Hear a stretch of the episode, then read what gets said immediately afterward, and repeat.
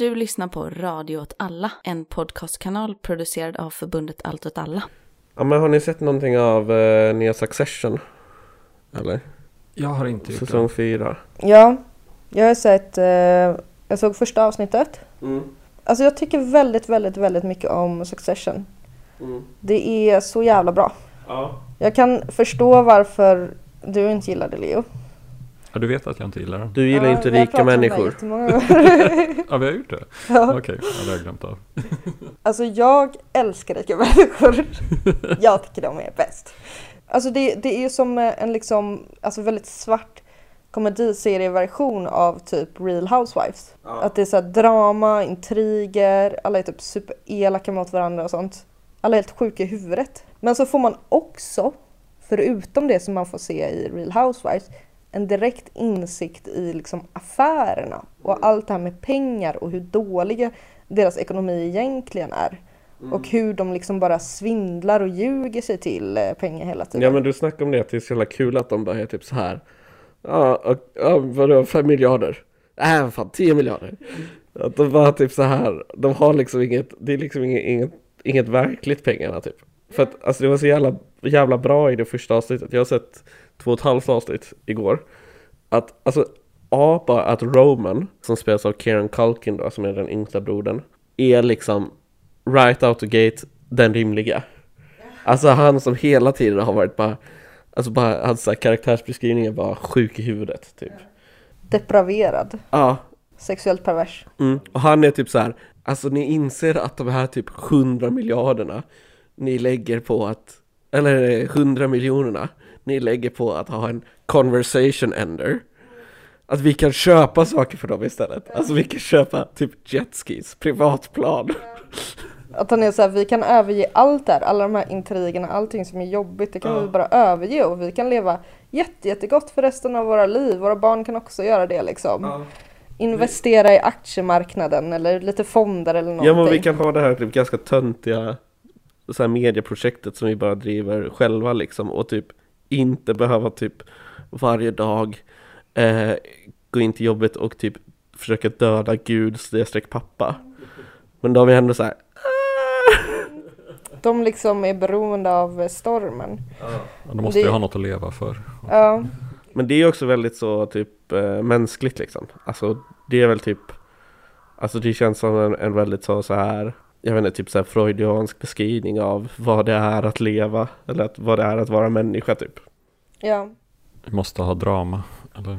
Men jag tänker mig också att de har väl, eh, de är liksom uppväxta i den miljön. De har uppenbarligen haft liksom en väldigt traumatisk uppväxt och en väldigt kärlekslös uppväxt och sånt. Så vad fan ska de annars göra liksom? Men det, det, jag tycker att det är snyggt att eh, första avsnittet på säsong fyra börjar typ exakt likadant som eh, första avsnittet. Jag tror att det är första avsnittet som de ska köpa det som jag tolkar som Twitter. Alltså där, han sitter i taxin och lyssnar på hiphop Ja, han, så här hypar upp sig typ för att han ska gå in och bara göra ett bra förslag. och han, och är, och han är typ så här What's up cocksucker wanna fuck this hoe over? Och eh, den killen bara ehm, Yeah sure whatever Men då är det också så här att de är typ, de köper upp, de vill köpa upp företag som har, eh, alltså som kanske kommer ifrån lite mer eh, blygsamma starter än de själva. Ja men liksom startups typ Något som är mer äkta. Ja precis, och då är de så här, ja det är klart att det hade varit bra med pengar men nummer ett, jag har, jag har ganska bra med pengar redan liksom. Så att inte en så, så här, en miljon hit eller dit, det gör inte mig så mycket. Utan det som är viktigare för mig, det är liksom att det här som jag har lagt ner mitt livssjäl i, att det liksom förs vidare och att det leder till något bra, att mina för, värderingar förs vidare och så. Ehm, och de är bara så, så det du säger är 15 miljoner. Och de bara, nej, de bara 20 miljoner. Sista budet! Ja och sen, och sen det som är så bra Det är att de alltid är så här Ja okej då, i slutändan de bara typ orkar inte mer. Ja men, och, ja, men också, alltså det, det är ju liksom verkligen sån rovkapitalism. Men alltså jag tänker att det också är typ det som är så här barnens drivkraft till att typ köpa upp alla de här typ startup-företagen också väldigt mycket. Alltså att de typ, de kan inte vara bara typ bara några, några jeppar som så här lever på sina föräldrars pengar utan de måste, de måste göra någonting och typ förverkliga eh, något arv eller någonting medan deras farsa är ju så här pengar är det enda som betyder någonting pengar är det enda värdet liksom Bara äkta kapitalist. ja precis Mm. Men Eh, också och det bara tänker typ, jag, det, alltså det tänker jag är typ en, en väldigt typ så här stark skildring av Alltså möjligt, möjligtvis liksom skiftet ifrån typ så här modernitetens liksom typ rovkapitalism på ett sätt eh, till alltså en, sån typ postmodern kapitalisms så här abstrakta värdeförståelse på något sätt. Alltså att så här Det är mer berättelsen kring. Ja, och att så här att alla, alla pengar ligger liksom i molnet på något sätt och så att pengar liksom likställs på sätt och vis med typ värderingar och typ att ha ett starkt varumärke. Stå för rätt saker. Ja. Och det är också typ, alltså det kan kännas typ löjligt. Men det är också typ så här, det är ju så att typ Saudi, saudierna, de vill ju också köpa in sig på de här grejerna. För att de har ju inget varumärke, eller de har ett jävligt kast varumärke. Han försökte ju bygga upp det där men sen mördade han han Khashoggi. Så då Ja. sköt det igen. Sen, sen erkänner de att de låg bakom 9-11 på Twitter. Ja. Oops. då var det kört. Men det, det känns ju som en sån serie som både antikapitalister och kapitalister älskar lika mycket. Ja, men det känns som typ Ja men det, det är väl som i alla typ så här Wolf of Wall Street Att det är så typ så här entrepreneur memes om Om det typ Som bara Det är fan rätt alltså man ska bara Man ska bara vara uppe till eh, fyra och ta quaaludes varje natt Det är lite sån här norska serien också, Exit. Som handlar om de här bank eh, aktiemäklarna som bara knarkar och super och beter sig som jävla svin. Jag har inte sett den Den, eh, den gillar jag väldigt mycket. Den är också baserad på intervjuer med sådana aktiemäklare liksom. Så att det är mycket är ju hämtat bara från deras liv liksom. Och det, där mår de ju riktigt jävla piss. Och där ja, de är ju så fruktansvärt jävla söndriga de människorna. Fuck dem Var- Varje morgon skulle upp jättetidigt klockan fem. Så jag gick där i trappuppgången så tänkte jag okej om jag klarar den här trappuppgången Ni lyssnar på Sätt att se Med mig Niklas Med Ellen. Och mig Leo. I förra avsnittet så eh, tramsade jag bara. Det är för att jag tycker att det är så jobbigt att vara allvarlig. Jag känner ofta att jag liksom inte orkar vara allvarlig. Det gör mig ledsen och uppgiven att vara allvarlig. Och så här, jag orkar inte fundera över så här, manosfärens konsekvenser. Eller eh, andra hemskheter. Så på det sättet så kan jag förstå Pontus Stenshäll eh, Göteborgs stadsteaters resignerande teaterchef som har samma problem som jag. Han har ofta fått eh, kritik för sina pjäser för att de är så tramsiga. Och när han håller sig till det klassiska materialet och inte gör några konstiga moderna tolkningar blir det oftast mycket bättre. Nu har han satt upp sin sista pjäs för, eh, på Göteborgs stadsteater. Och han valde att göra processen. Kafka. Precis. Frans Kafkas Processen. En klassisk bok som många läser som tonåring. Och jag tror att den berör en som mest när man läser den som tonåring.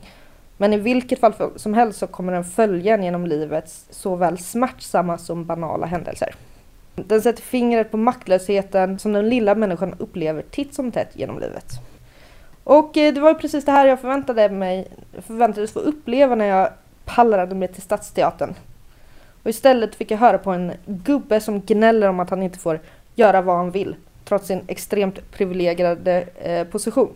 En gubbe som tycker att den gamla Lotto-reklamen är det roligaste som finns och att det bästa vore om det funnits en en timmes lång version av den live. Vet ni vilken reklam jag pratar om? Nej Alltså den eh, när det är en eh, gubbe, en sån kontorskille, gubbe, som vinner på Lotto. Och eh, så kallar hans chef in honom till kontoret och säger så här, du måste jobba sent idag. Och eh, hans chef säger att han ska jobba över och att han ska jobba på helgen. Och då säger han bara så här. "Mi, mi, mi, mi, mi, mi." Ja, just det. Ja. Och det är roligt. Ja. Det är jätteroligt. Särskilt, det är ju roligt också för att det varar i kanske 10 sekunder. Mm. Det är ungefär så länge ett sånt skämt håller. Ja, för så, så var liksom eh, första delen, ända fram till första pausen. När jag var och såg processen. Eh, och det gjorde mig lite förbannad kan jag säga. Men eh, jag tror att Johan Stensell, nej inte Johan Stensell, Pontus Stensell har dåligt självförtroende. För visst är det svårt att göra någonting allvarligt. Det betyder att man måste ta ansvar för det. Jag tycker att Kafka själv beskriver det som bäst i första kapitlet av processen när K blir häktad i sitt rum. Då skriver han så här. Kanske skulle de båda männen inte alls hindra honom om han öppnade dörren till nästa rum eller till och med tamburen.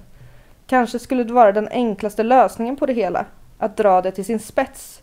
Men kanske skulle de i alla fall gripa honom. Och blev han en gång besegrad skulle han också förlora all överlägsenhet som han ännu i viss mån hade kvar.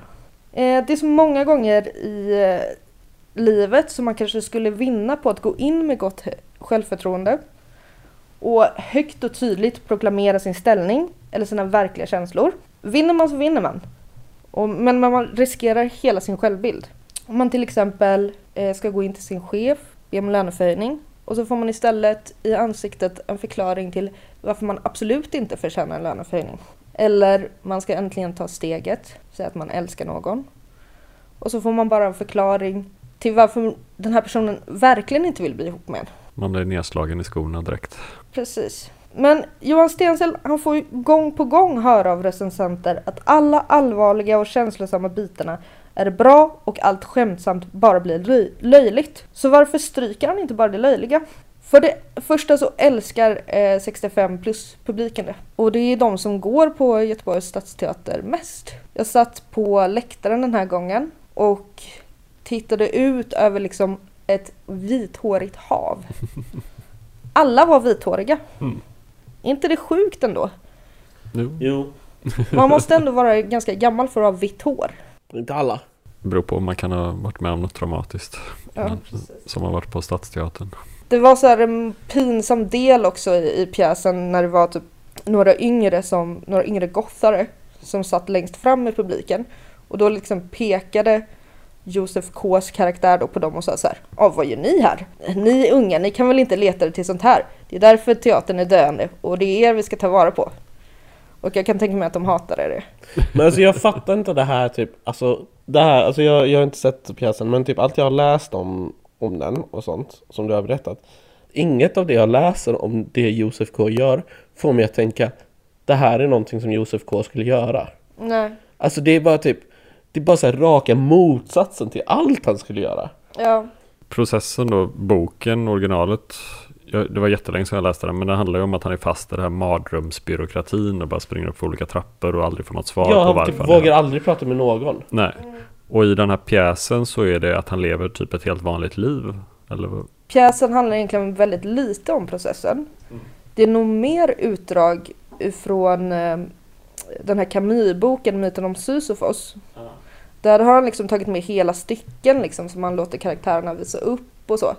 Och Myten om Sisyfos är en eh, alltså ännu böligare bok som typ handlar om självmord mycket och så här, hur man ska se på självmord.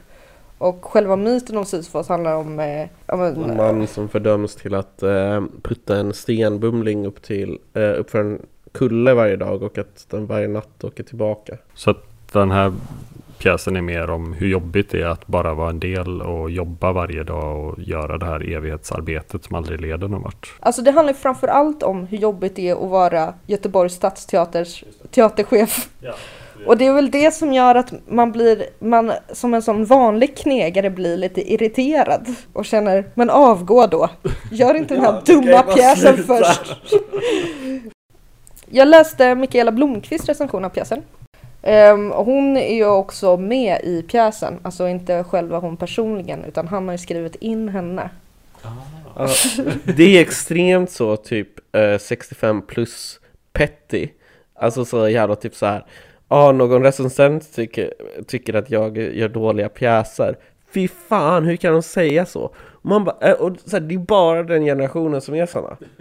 Alltså alla är så här, ja, hur, alltså det är klart. Så här, och, det bara, och det är bara någon, men det är bara det här jävla, det här jävla köttberget va? Ja. Men jag blir också Så jävla irriterad just känsliga, lättkränkta. Jag blir irriterad på att han kan vara så petty när han gör så, alltså när det är uppenbart att han bara tramsar så himla mycket. Att det är så här, för, för att jag har ju försvarat honom då med att då kan man vara så här, ja ja, men det var ju kul i alla fall, folk skrattade och hade roligt liksom. Men, eh, men då måste man ju ta det. Ja ja, men det är väl inte för dig, Mikaela. För du vill ju bara sitta och böla hela tiden. Och då kan väl du gå och göra det. Men inte på min teater. Men han vill ändå bli erkänd så här artistiskt också och liksom så här av de lite mer finkulturella så här. Han vill inte bara ha folkets applåder. Ja, precis. Så han blir gnällig, gnällspik istället. Ja, verkligen, verkligen en gnällspik. Men jag läste eh, den och eh, där kritis- kritiserar hon starkt hans uppsättning av spår av eh, Antigone. Som jag också var och se. Det var den första pjäsen han regisserade på Stadsteatern va? Mm. Och hon skriver Kristina Osonidis lyriska pjäs om sexuella övergrepp på unga flickor blev i Stenshälls regi en grovkornig buskis. Eh, Men jag såg ju den pjäsen och jag tyckte faktiskt eh, om den. Och jag kan absolut inte tänka mig något värre än att sitta i två timmar, som en pjäs måste vara, och eh, kolla på en allvarlig pjäs om sexuella övergrepp. Alltså där är det ju liksom att han har typ en massa dildos och sånt. Och så spelar han den här låten Fantasi rullar runt bland mjuka kuddar. Jag vet. Och det... Alltså jag kan fatta att man inte gillar det. Men du tyckte ändå att det funkade? Jag tyckte om det. För att jag, eh, jag vill inte bli berörd i själen när man pratar om sexuella övergrepp. Jag vill inte känna den känslan. Nej tack! Och sen då under pausen så står jag i den här långa kön till baren. Jag är som sagt förbannad. Ehm, jag har kollat på det här. Vill gå hem. Eh, funderar allvarligt på om jag ska resa mig, smälla igen dörren och gå ut. För att jag tyckte att det var så jävla värdelöst. Men jag står liksom och lyssnar på mina medåskådare. Som eh, till skillnad från mig då är upprymda. De älskar pjäsen. De skrattar och är glada. Ursäkta mig, men man ska inte gå utifrån processen och, och var, skratta och vara glad. Då har man gjort fel. Men då, och så säger de hela tiden, jag har flera stycken säga Ja, men det kan ju inte vara mörkt och trist hela tiden. Men någon gång, någon gång! Men det är väl lite det processen handlar om? att Alltså allt den bara... är ju skitkul. Men inte på det sättet, alltså inte på så här dildo och eh, de sjunger poplåtar liksom.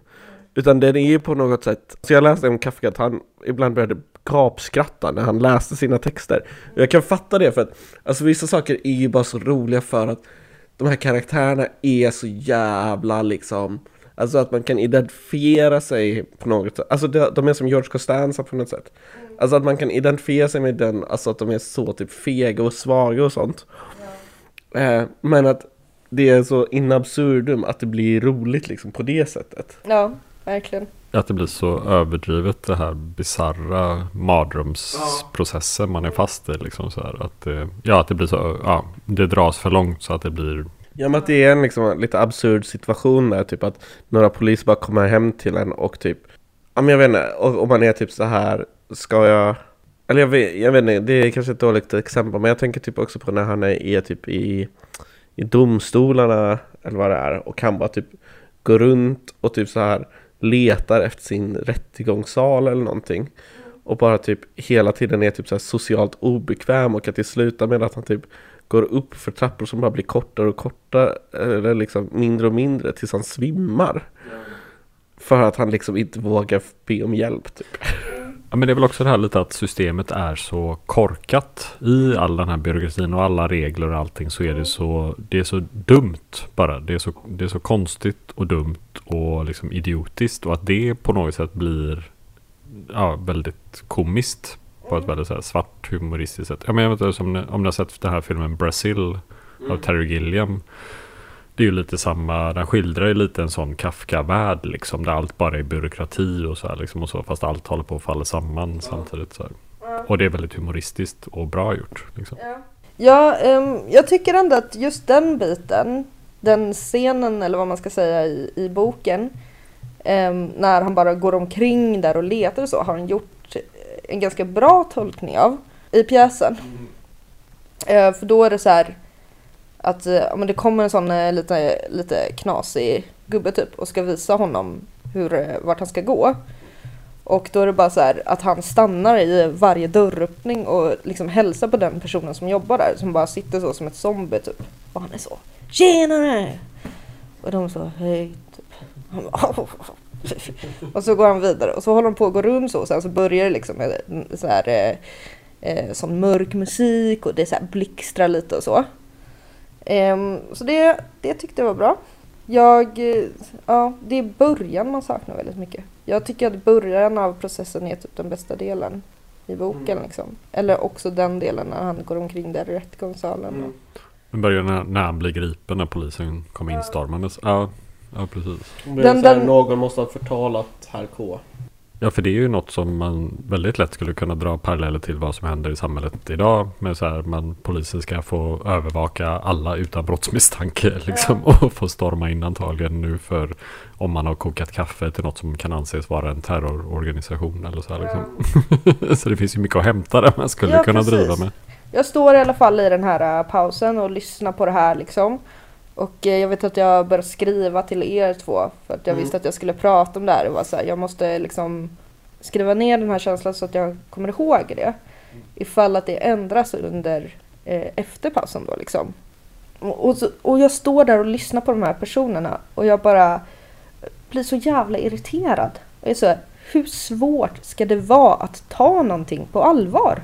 Bryr, bryr ni inte om maktlösheten? Den här maktlösheten som man verkligen känner, i alla fall varje vecka. På sitt jobb eller när man går runt i samhället, läser en tidning, kollar på ett nyhetsinslag, whatever. När man känner så här, så här får det inte vara. Försöker göra någonting åt det. Går inte. Ger upp till slut. Och jag bara liksom, är det, kan det vara så här att de här boomersarna i den här publiken, att de har så jävla mycket makt att de inte ens kan förstå pjäsen överhuvudtaget. De kan liksom inte, de kan inte relatera till den här känslan. De kanske inte lever ett sånt liv där de behöver möta den här ekonomiska eller sociala pressen. Jag tror att det delvis handlar om det men att det också typ handlar om att, så här, att man lever ett liv där man liksom konstant bara undviker ångest. Och att det är därför man är så här, ja, det kan ju inte vara jobbigt hela tiden. Alltså att du säger, och det man menar då är ju så här, det kan aldrig vara jobbigt, mörkt typ. För att jag kan inte tänka på det, det blir för jobbigt för mig liksom. Man vill undvika jobbiga tankar. Jag tror att de känner samma känslor inför den banala maktlösheten och de eh, banala utmaningarna som jag känner inför sexuella övergrepp. Det är helt enkelt för jobbigt att ta ett modernt grepp om processen som visar på de verkliga aspekterna i vårt samhälle där vi är maktlösa. Utan folk kan bara ta till sig budskapet om det liknas vid en telefonkö. För det gör han i pjäsen flera gånger. Eh, att, eh, alltså att Josef K får sitta i en telefonkö och så är det en sån robotröst som säger så här Tryck två! Och så trycker jag, ja, ni fattar. Alltså jag är ganska säker på att jag har tänkt så här. Det är som att man är med i processen när man har stått i en telefonkö liksom. Ett Eller när man skämt. försöker ta reda på någonting. Precis, det är ett roligt skämt. Och man kan känna så här, det här är lite kafkianskt. Ja. När, man, när det är något så här och så kan man skrocka lite för sig själv åt det. Men det, det som är störigt är att han har skrivit liksom en, en jättelång pjäs om det. Som då ju bara eh, handlar om honom själv och hans egna erfarenheter. Och att jag tror att han har utmaningar i sitt liv liksom. Som han hade kunnat göra, eh, alltså visa upp i den här pjäsen. Blotta sig lite. Men alltså det, ja det tror jag ju säkert, eller kanske inte. Men eh, alltså det finns ju också mycket i offentlig förvaltning som är kafkianskt på riktigt. Typ. Alltså som när jag sitter på Göteborgs stads intranät. Alltså det här att man typ klickar sig vidare hela tiden och aldrig vet om man kommer hitta svaret på nästa sida eller om man kommer skickas vidare. Eller om man bara skickas mellan en massa sådana typ HR-avdelningar eller så på, på servicen liksom. Att man bara är fast i något Precis. stort maskineri som man Ja, inte har någon slags möjlighet att påverka. Som Ja. man bara underkastar sig. och det verkar jag inte ha, jag har inte sett pjäsen. eh, Och det verkar han ju inte ha eh, behandlat överhuvudtaget så. Um, alltså i den andra delen så tycker jag ändå att han får till det. Alltså där är han allvarlig liksom. Och han har plockat ut delar ur boken och plockat ut delar ur uh, myten om Sisyfos liksom som är uh, säger väldigt starka saker och sådär. Och um, han har skrivit en jättebra karaktär som är just en sån kommuntant typ. Som bara kommer in och så här. Eh, men de anklagar honom för någonting som, som han inte får veta vad det är. Och, eh, men också att, Me too. ja precis. Jag tänkte faktiskt exakt samma sak när jag satt och såg pjäsen. Har du blivit anklagad för sexuella trakasserier eller? För att i så fall liksom. Ja. Eh, men, eh, men, och det är typ så här att hon ska att de har börjat köpa upp eh, kreativa samarbetspartners till teatern. Alltså så att de kan inte bara så här leta upp typ någon konstnär eller eh, så som de tycker är cool och göra en pjäs utav det. Utan eh, då är det så här, ah, ni får samarbeta med de här personerna. De är de vi tänker betala för. Och det är ju helt sjukt om det är så liksom. Mm, så mitt problem är verkligen inte att han har gjort om den eller så. Jag tycker så här, behåll scenen med den här eh, när han går i de här cirklarna och liksom svimmar och sånt. Jättebra. Behåll den här eh, kommunaltanten, alltså mer av henne. Liksom. Och eh, mer av att Josef K interagerar med henne och liksom blir förtvivlad och förbannad på henne. För nu är det så här att eh, K är väldigt så här loj inför hennes anklagelse. Att han är så här, åh, suckar typ. Och så är det ju inte i boken. Det stör mig. Han blir frustrerad och förtvivlad liksom. Det är som den här eh, scenen när han går omkring i eh, rättshuset eh, skildrar. Det är liksom hur han genom den här processen har drivits till vansinne. Och det skulle han ju göra större. Och sen det, fin- det var med typ en bra del när eh, det liksom kom en ängel och talade till honom.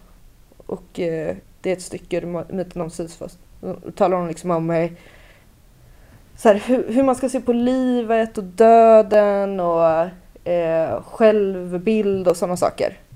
Jättebra, ta med det också liksom. Ta bort, ta bort hela första delen. Alltihopa, bara stryk det. Eller jag fick känslan av att skådespelaren som spelar Josef K, att han bara improviserade när han höll på så. Det är för jävligt. Outhärdligt. Sparka honom. Ehm, jag tycker han borde sluta på samma sätt som Josef K. Som en hund. Precis. Den senaste tiden, det vill säga typ de senaste eh, kanske två, tre åren så har jag börjat um, jag vet inte om jag ska säga intressera mig av eller uh, ja, men ta del av mycket mer liksom så postmodern litteratur. Som um, ja men eh, typ Thomas Pynchon och nu läser jag precis klart en bok av Boris Vian eh, som heter Dagarna skum. David Foster Wallace. Ja, men alltså sånt som typ om man går in på Wikipedia typ eller någonting. Alltså sånt som anses vara liksom väldigt, väldigt så typ väldigt postmodern litteratur typ. Och liksom grejen med det postmodern litteratur är ju typ ganska mycket att så här eller varför typ folk också brukar tycka att det är svårt är att det ofta är väldigt, väldigt eh, konstigt. Alltså att typ saker verkligheten är lite så lös i kanten typ hela tiden. Alltså som att, ja men som i den här Dagarnas skum då, så bara, ja men han, en karaktär är bara en mus, typ. Och att de beskriver sig jätteingående, typ att han har någon sorts piano som han kan använda för att om man spelar på pianot så mixar de en drink. Liksom. Så man, det är viktigt att man spelar rätt för annars blir drinken äcklig. Och, och, och jag tror att folk tycker, ofta tycker att det är svårt för att de känner så här, jag fattar inte typ. Jag fattar inte, som i V, typ, av Pynchon då. Varför jagar han krokodiler i, för det första, varför jagar han krokodiler i New Yorks ehm, kloaker? För det andra, varför har någon annan, bliv, en man blivit kär i en råtta i de här kloakerna och byggt ett litet altare åt henne där nere? För det tredje, vad har det den historien att göra med typ den här historien om något konstigt som hände på Malta på 20-talet liksom? Ganska absurda, lite så här små skumma berättelser på något sätt, eller? Ja, precis. Ja, Precis. Alltså någonting som, men, men någonting jag typ tycker är fascinerande, alltså, så- och som jag kanske typ tyckte var överraskande med liksom hur, hur lätt jag tyckte att det, för att jag drog mig lite av att liksom gå in i den här liksom li, litteraturen för att jag har hört att många tycker att det är väldigt svårt liksom. Men någonting som jag blev liksom överraskad av var att ja, men jag, jag tyckte inte att det var så himla svårt. Och jag tror att det beror typ lite på hur jag läser och hur karaktärerna i de här böckerna ofta fungerar. Och alltså att för att det som ofta är i böckerna liksom, det är att det händer en massa absurda grejer. Och men det som kanske är mest absurt, det är att karaktärernas reaktion är inte gud vad konstigt. Även fast det är liksom uppenbart att de typ inte har satt sig inför den här situationen innan. Utan att de bara försöker liksom analysera eller typ, alltså försöker så här men genom någon form av typ intuition agera enligt liksom den inre logiken i den processen som sker typ. just det. Att man reagerar inte på att oj vad konstigt utan mer bara okej, det är så här verkligheten är nu får jag bara förhålla mig till det. Ja, precis. Alltså så här. Oj, vad konstigt att en råtta skjuter en, skjuter en pistol. Att det inte då var så här, för att ta ett jättesimplistiskt exempel, och som inte kommer från någon av de här böckerna. Att det inte var så här, varför skjuter råttan en pistol? Utan bara, då är det bäst att jag dödar råttan. Ja, eller ta skydd. Ja. Och alltså så här, så många är, ju- men, men många när de läser då, då är de ju så här, ah, varför har råttan en pistol liksom? Eh, och jag har, alltså jag tror att det är för att jag länge var ganska dålig på att läsa. Som jag typ, alltså att jag bara var så här, ah, skitsamma typ. Jag bara, jag fattade tids nog liksom och bara fortsatte, for, försökte fortsätta läsa liksom. Vilket i och för sig gjorde att de missade en massa detaljer liksom. Men att man typ får, får det här generella narrativet liksom. Och att det känns som att det är mycket är typ poängen med det här experimenterandet med formen inom liksom den post, postmoderna litteraturen. Så att, att man gör en poäng av att, att så här, det som gör en historia, det är liksom inte de här de- dekorativa typ. Alltså typ att det gör ingen beständig skillnad om karaktären är en, är en liksom råtta eller en eller en 25-årig eh, sjöman med ett liksom blont hår och snyggt leende. Det gör ingen skillnad liksom. Så för berättelsen.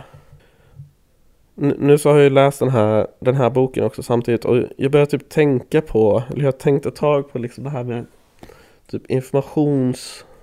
Alltså att många är typ väldigt rädda, eller det är mycket så diskussion om så här källkritik. Och typ så här att, att ungdomar inte förstår ja, källkritik typ. Ehm, men kanske också eh, en ännu större typ rädsla för, eller någonting som jag har tänkt mycket på är så här hur vi ska typ kunna processa all den här informationen typ.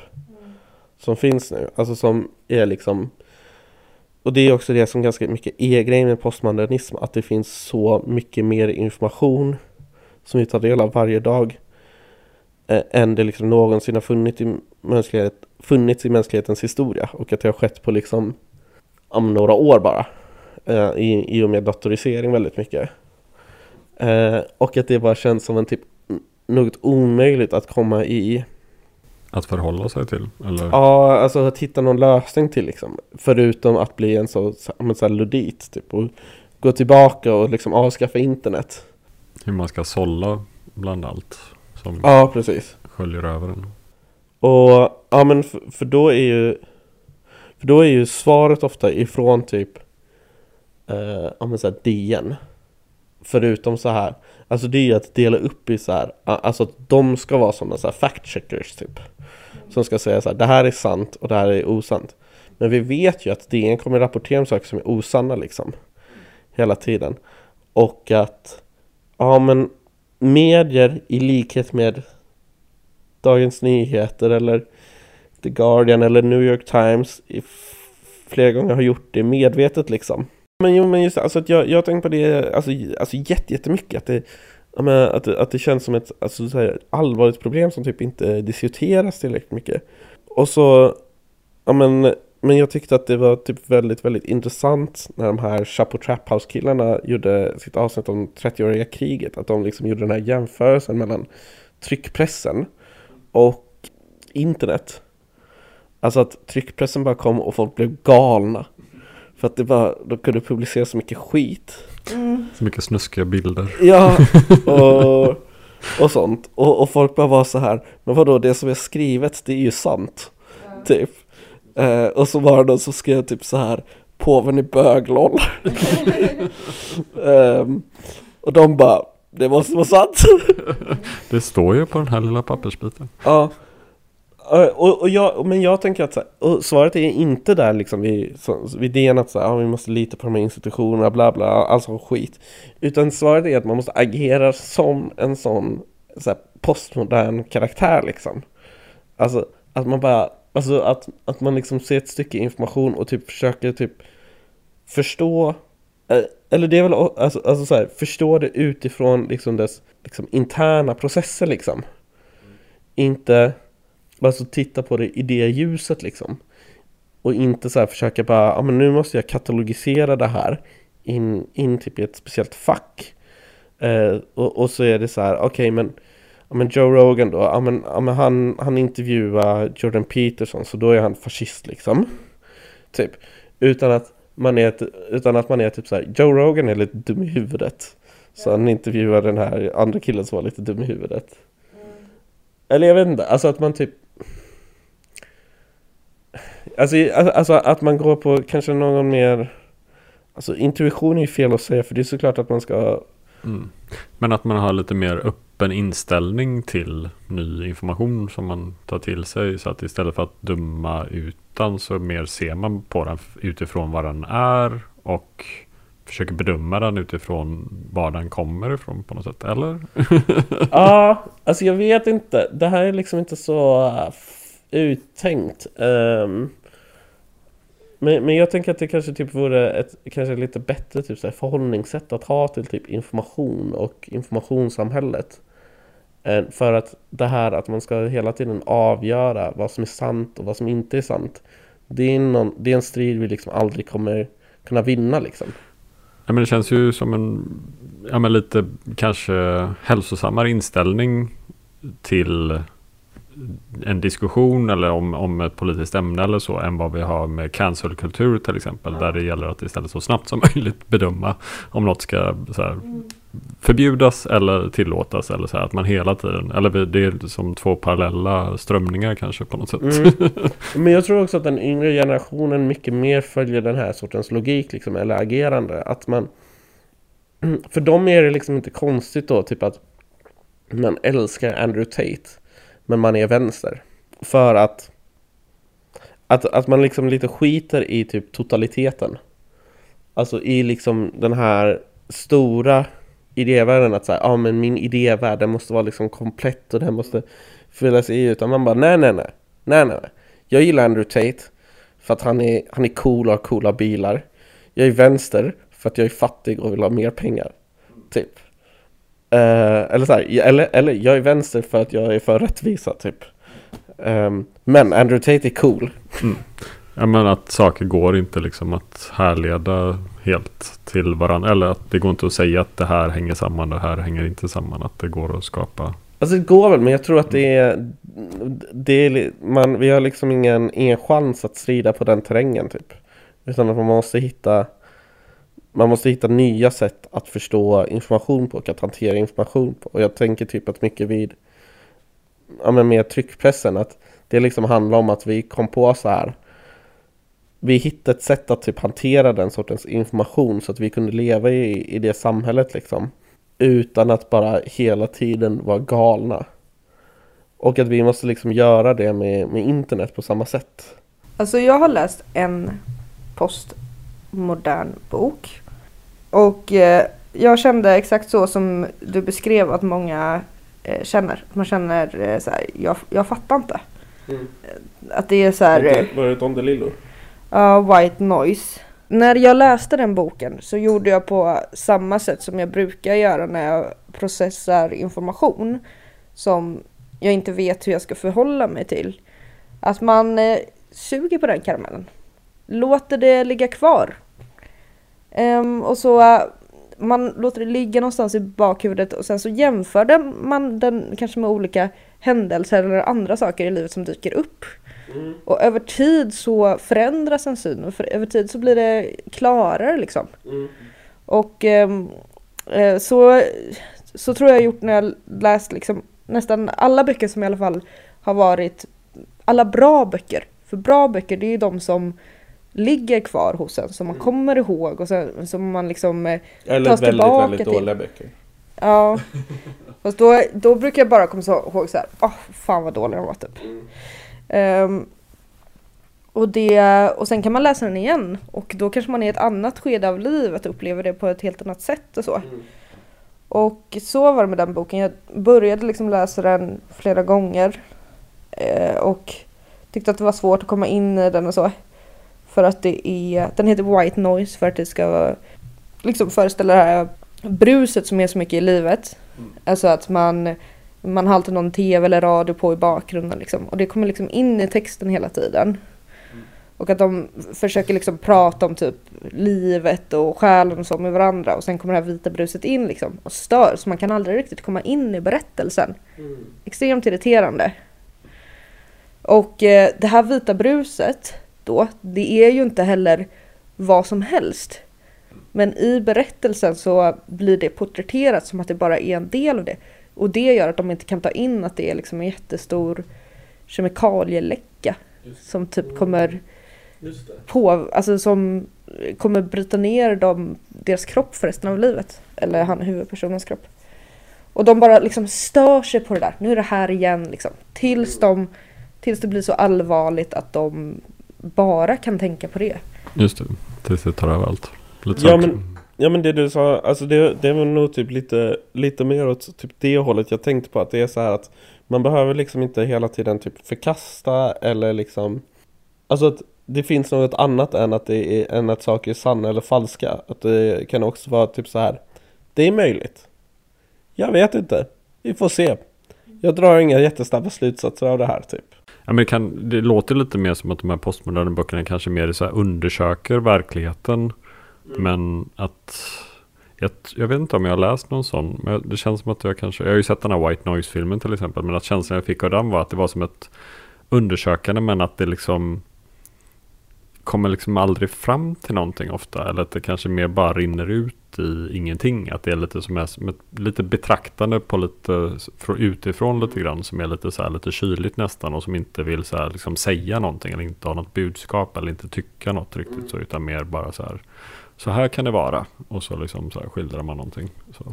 Det kan jag irritera mig på lite kanske ibland. Jo, men jag det- tror att många också typ tänker att de här sakerna som är konstiga ofta ska ha en väldigt så här, stark eh, symbolik typ.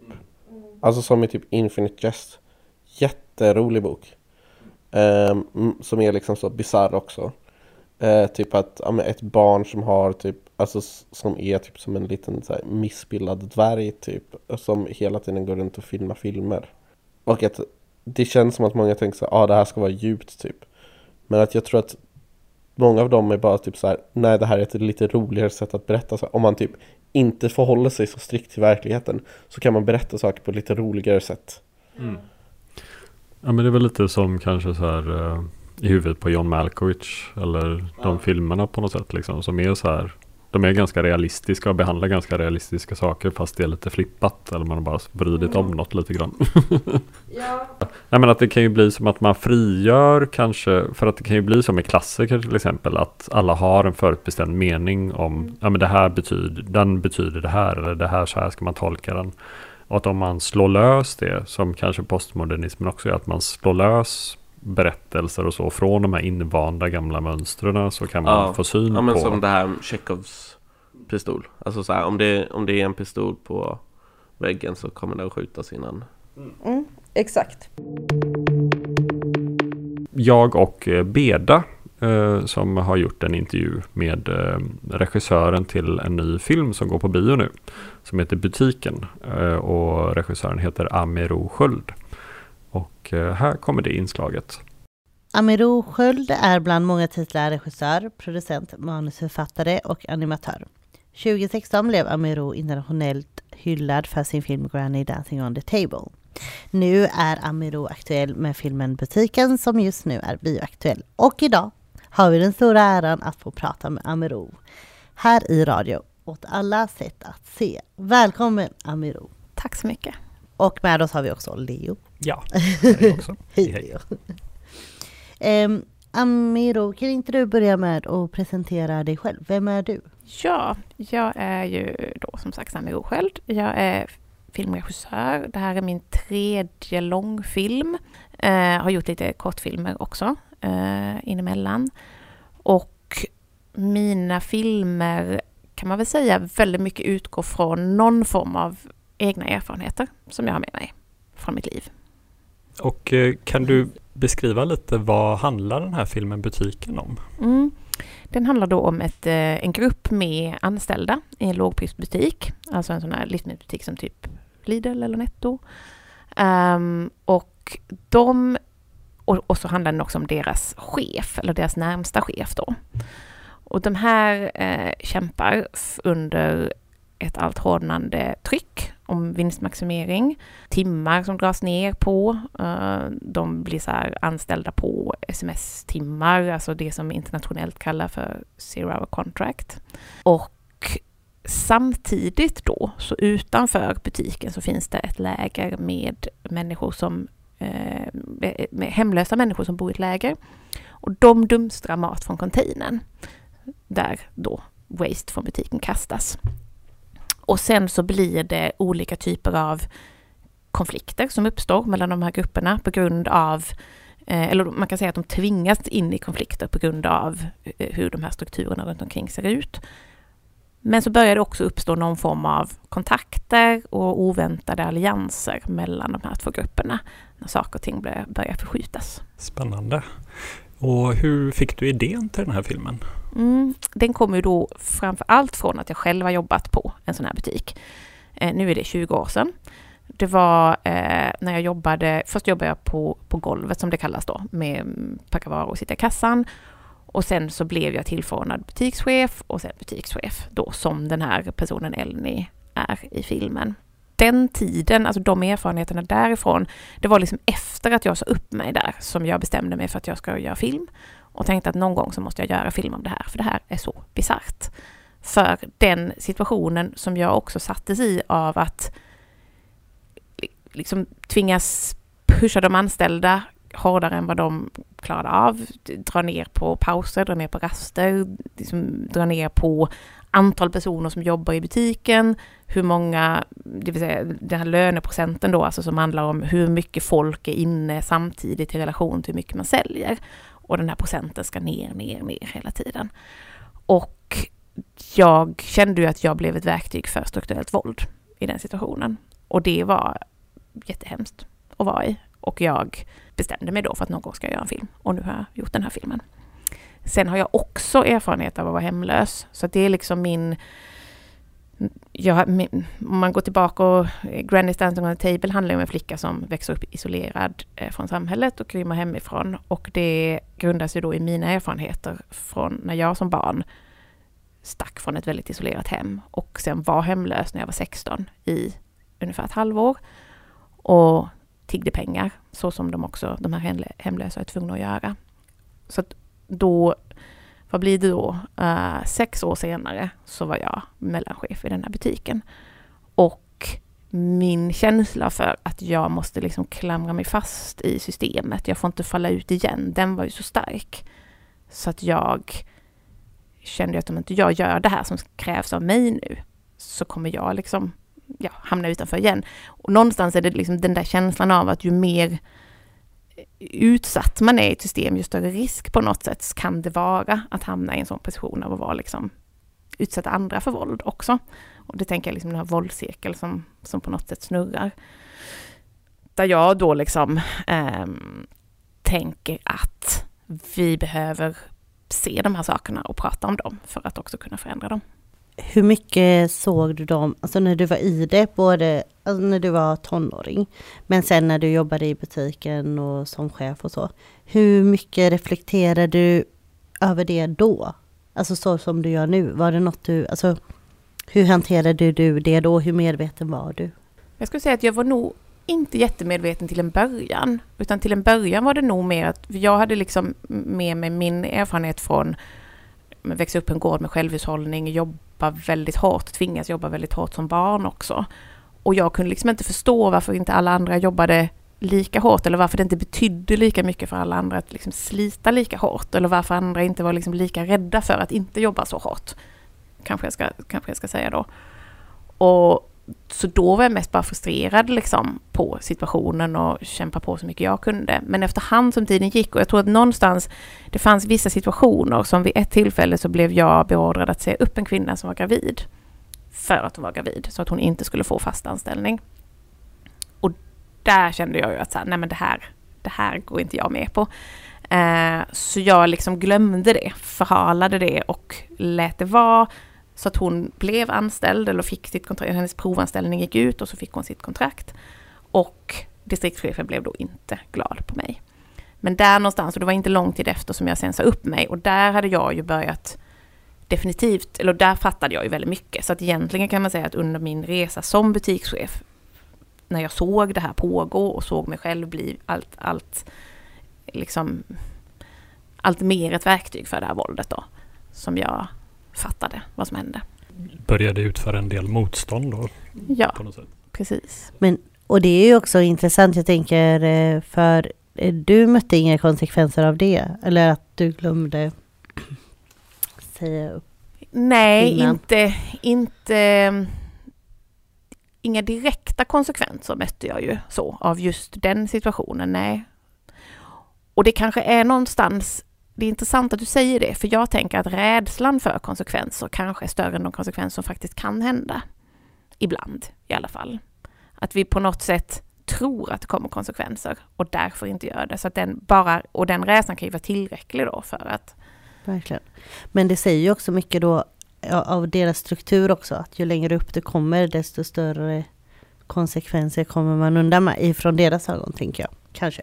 Kanske, precis. Mm. Men att det här hotet hela tiden finns överhängande och som driver på det här våldet som du säger. Då, liksom. ja. Hur gick du tillväga när du skrev manuset? Så det är ju baserat mycket på egna erfarenheter låter det som. Men hur, hur skedde det? Det har ju varit en lång process. Det borde varit att jag liksom började skriva som ett så vanligt manus. Eh, men samtidigt som jag gjorde det så höll jag också på att jobba med byggandet av de här animationsvärldarna och det är också, för mig är det någonting att när jag håller på och bygger, till exempel som när jag satt och gjorde en jävla massa små eh, grönsaker av lera, så hände det också saker där jag funderade jättemycket på just naturen, förruttnelse, mm, fermentering, alltså alla de här processerna som eh, Eh, natur och frukter och grönsaker och allt det är igenom och så blev det liksom en allt starkare del av filmen som den ju också är för att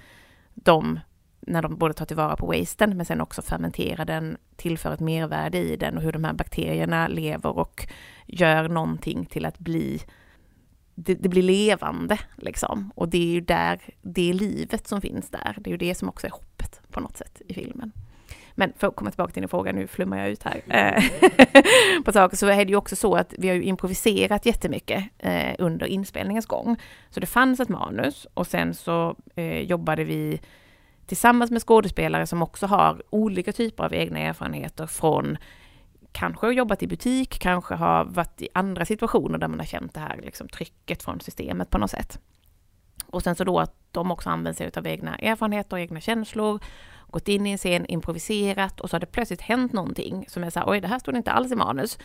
Eh, eller ofta var det så att det, det liksom uppstod någonting och som var så bra att jag var liksom tvungen att göra en ny scen för att följa upp på det där som hände i den scenen. Men då betyder ju det också att så, här, ja, men då funkar inte den scenen som kommer sen. Då får vi ta väck den. Och så, får vi så att vi spelar liksom in under så här en veckas en veckas period och sen så klippte vi mellan och skrev om manus emellan. Och sen så tillbaka på inspelning igen då. Så låter det som att hela filminspelningen var en ganska organisk process mm. i sig också. Och sen skildrar du som sagt också som du säger olika processer, både organiska och de här förtryckande i filmen också. Och kan ju förklara lite det, du nämnde ju det att du har mycket dockanimationer i filmen. Att det är en hel del så att säga skådespelare, spelfilmscener och sen även då dockscener som är mycket i butiken och så. Så det, det, en, ja, det, blir en väldigt speciell blandning av de här två. Kan du berätta lite hur du har tänkt kring det? Mm, alltså jag har ju jobbat med dockanimation i flera filmer sedan innan och det är ju liksom både det att jag älskar att hålla på med dockanimation. Det händer väldigt mycket för mig i mitt skapande när jag gör det. Men det finns också någonting som är... I just den här filmen så tänker jag att dockorna ju också blir någon form av symbol för hur vi är funktioner i ett system. Liksom. Och där vi liksom tappar någonting utav vår mänsklighet, så när vi går över egna och andras gränser. Men också då, de här dockorna är ganska bräckliga och sköra och lite trasiga och jag tänker att vi inte kan vara funktioner i system utan att gå sönder på något sätt. Så att det liksom, de här dockorna längtar också ut i sin mänsklighet på något sätt och att det liksom finns någonting däremellan att eh, ja, hur vi vill, hur vi vill vara och bli människor igen. Så. Men så vill du berätta mer just om karaktärerna och hur du jobbade med dem? Jag tänker att det är jättemycket som har hänt i, det, det, det, det finns liksom någon form av grund i att väldigt många av karaktärerna har någonting som rör vid mig själv och min egen historia. Jag hämtar ganska mycket från mig själv, till exempel det här med att här, sitta och pumpa bröstmjölk inne på toaletten. Det gjorde jag själv, fast det har jag gjort när jag jobbar på universitet så istället för i en lågprisbutik. Men det är liksom den här stressen över att jag måste liksom vara, jag ska jag ska pumpa för att det, då blir jag en, eller jag, menar, jag ska ge bröstmjölk till mitt barn för då är jag en bra mamma. Och jag ska eh, liksom upprätthålla mitt jobb och göra ett bra jobb där och liksom få vara kvar på en arbetsplats och samtidigt, ja men det här hur man bollar liksom livet på något sätt och försöker vara den där personen för sina nära i de privata relationerna samtidigt som det egentligen inte går. När det egentligen är en, en omöjlig ekvation på något sätt. Så där finns det liksom eh, en massa saker som jag hämtar från mig själv. Och sen då har jag tagit med mig dem till skådespelarna och så har vi pratat om deras erfarenheter från livet på olika sätt. Och tillsammans någonstans då jobbat fram, så här, vem är den här personen? Hur, liksom använt mycket så här lek, intuition, liksom så här, bara så här, frågat varandra saker och svarat på första impuls som kommer upp massor sådana saker har vi gjort då för att utveckla karaktärerna. Och sen då gått in och improviserat situationer liksom med de här sakerna som grund. Och de, vi har ju också improviserat dialogen till animationerna. Så att vi liksom, de har ju liksom gjorda egentligen på samma sätt dialogmässigt och sen har vi använt den dialogen och animerat till den liksom. Ja, vad kul. För det var ju också en fråga som vi hade. Alltså hur ni eh, tog fram dialogerna. Om det skedde, ja men som, som du sa nu, om det skedde på eh, sätt eller om det, men fanns det skrivet också? Det fanns en dialog, men den fick aldrig skådespelarna läsa. Eller den, de, ja, de läste kanske en första version. Sen var det lite grann att jag kände så direkt när vi kanske hade de första inspelningsdagarna Skådespelarna hade läst manus med dialog, men jag ville att vi skulle improvisera och så hörde jag direkt så här, men det där låter det där lät inte riktigt bra. Och sen så var kom det ifrån? Jaha, det kom från manus. Och då var det ju inte det att det nödvändigtvis är så här att det var en dåligt skriven dialog kanske, utan det var helt enkelt bara att det kom inte från en naturlig impuls från skådespelaren i den stunden och det var det jag så gärna vill ha. Så jag slutade med att säga, nej men ni får inte läsa någon mer dialog, vi tar väck den. Och sen så blev jag så här, nej men ni får inte, ni får inte veta vilken scen vi ska spela in. så de bara så här, ja kom till inspelning, ha, vad ska vi göra idag, vem ska jag spela mot? Så. Spännande och lite läskigt låter det. Men hur funkade det för dig? Var det stressigt att jobba så eller hur funkar det? Alltså, på något sätt så tänker jag att jag hittade liksom en väg i det som funkade väldigt bra. Sen hade jag också jättebra stöd från Arshana Kanna och Hanna Högstedt som fanns med mig hela tiden som bollplank och Hanna är då fotograf och Arshana har castat men också varit, är, hjälpt mig i regiarbetet. Och vi tillsammans har ju också hållit på bara så här, hur, vad ska vi göra nu, vad gör vi av den här situationen som hände, vilken scen kan vi utveckla? Och jag tyckte det var väldigt roligt. Jag tyckte det var jättekul. Så. Sen var det också stressigt inemellan, jag ska inte säga någonting. men jag satt där och hade en vecka på mig att klippa så här, ihop jättemycket material och alla var så här, vad är det vi ska spela in nästa gång? Jag bara, jag vet inte. Jag måste klippa lite till först. ha sina för och nackdelar. Ja. Eller så, lite.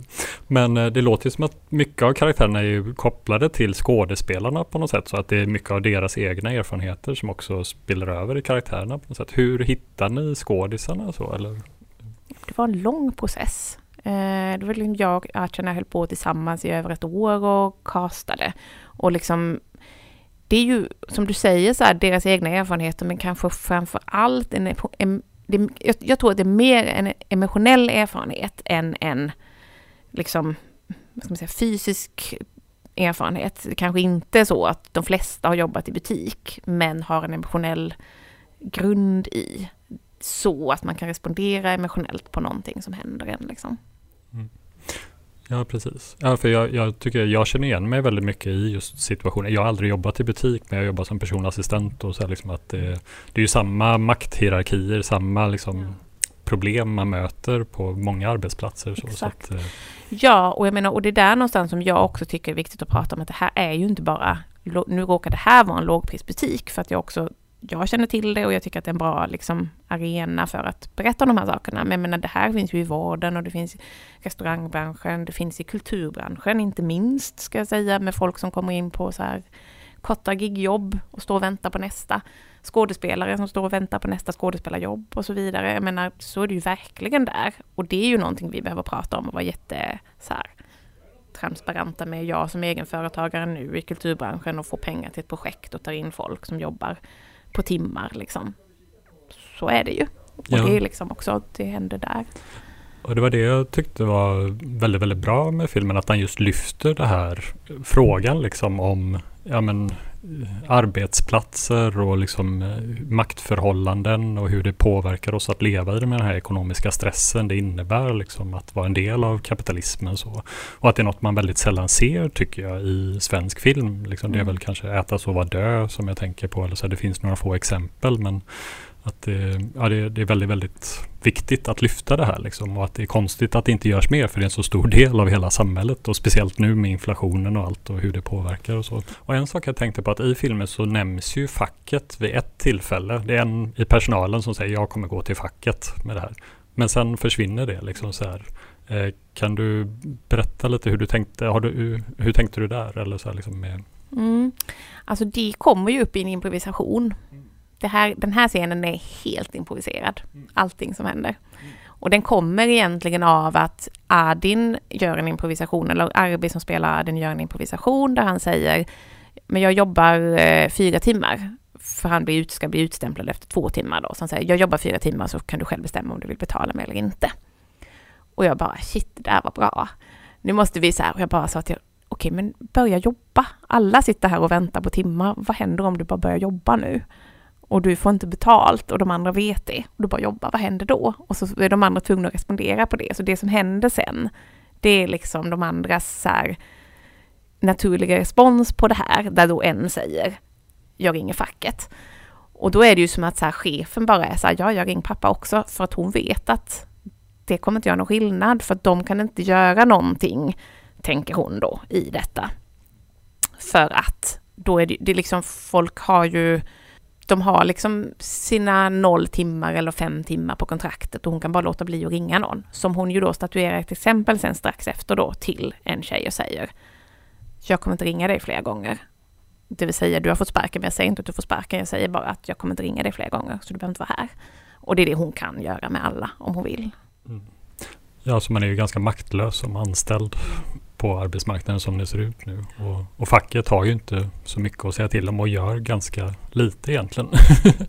Tyvärr. Ja.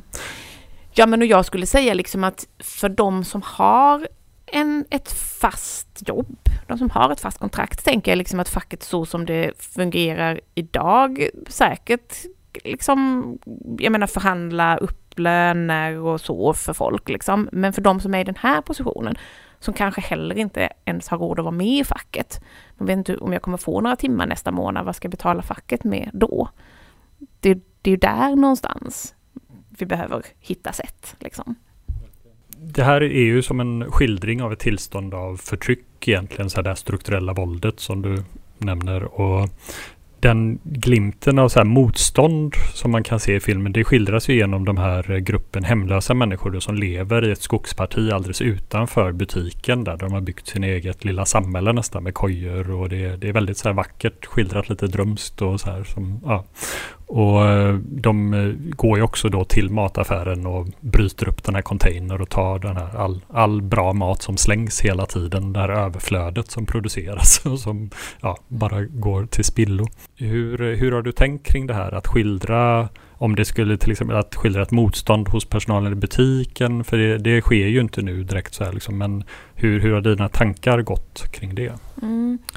Men jag tänker att det finns liksom två delar i det, där det ena är liksom ett konstnärligt val, där jag tänker att om jag som, om jag som regissör på något sätt hittar en lösning inom filmen och låter dem göra uppror och motstånd där, så tänker jag att det kan liksom få konsekvensen att när vi tittar på det också blir så här glada och nöjda för att de lyckades och vi sa ja, där satt den, liksom, det här motståndet. Men då blir liksom, när ekvationen blir löst inom filmen, så tänker jag att incitamentet att ta med problemet utanför filmen och jobba med det där i den verklighet vi befinner oss i på något sätt kan bli mindre. Så jag vill liksom så här, i huvudsak presentera dilemmat, men det jag, och, och, så, det är det jag vill göra med filmen. Och så finns det ju också den dimensionen att jag är inte säker på vilket motstånd de heller skulle kunna göra, just på grund av de sakerna som vi har pratat om här. Mer än att, för det, det börjar ju uppstå saker som blir liksom en, ett frö till ett motstånd som handlar mer om en kontakt som uppstår mellan personer i butiken och personer i lägret. Där också saker kanske liksom är lite, det är inte inom systemet, utan det, är, det sker utanför systemet. Det sker liksom på andra premisser, med, på andra sätt. Och med någon form av så här civil olydnadsbas liksom. Och någonstans är det också där jag tänker att det finns en kamp att föra. Och jag säger inte att den inte ska göras inom systemet, men det räcker inte. Vi måste gå utanför det och vi måste inkludera de som inte är i systemet i den kampen. Mm. Ja, för det händer ju någonting där, precis som du säger, när personalen börjar få kontakt med de här som är utanför då. Så att, för det är också den här rädslan för att hamna där de är, liksom, att hamna utanför samhället, att liksom bli hemlös och så. Att det är ju den skräcken som driver människor till att pressa sig själv hårdare och hårdare hela tiden. Så, så att det, det, blir ju, när, när man övervinner den, när den skräcken försvinner så öppnar det ju sig nya möjligheter på något sätt. Så, så det, det är väldigt fint. Var det Alltså berätta vad som kommer hända nu med filmen. Vad väntar? Ja, nu kommer en eh, samtalsturné eh, nu i början på maj då, där jag kommer åka runt och prata med olika inbjudna gäster som är konstnärer, aktivister eh, i Stockholm, Göteborg, Malmö, Lund, Umeå och, förmodligen fler ställen också. Och filmen visas då också i de här vid den här samtalsturnén. Ja, precis. Eh, så tack Amerou för att du ville komma till oss på Sätt att se och prata om din film. Tack själva för att jag fick komma. Det var allt för den här gången. Ha en eh, trevlig första maj allihopa. Glad första maj. Ja. Ha det så bra. Hej hej. Hej hej. Hej.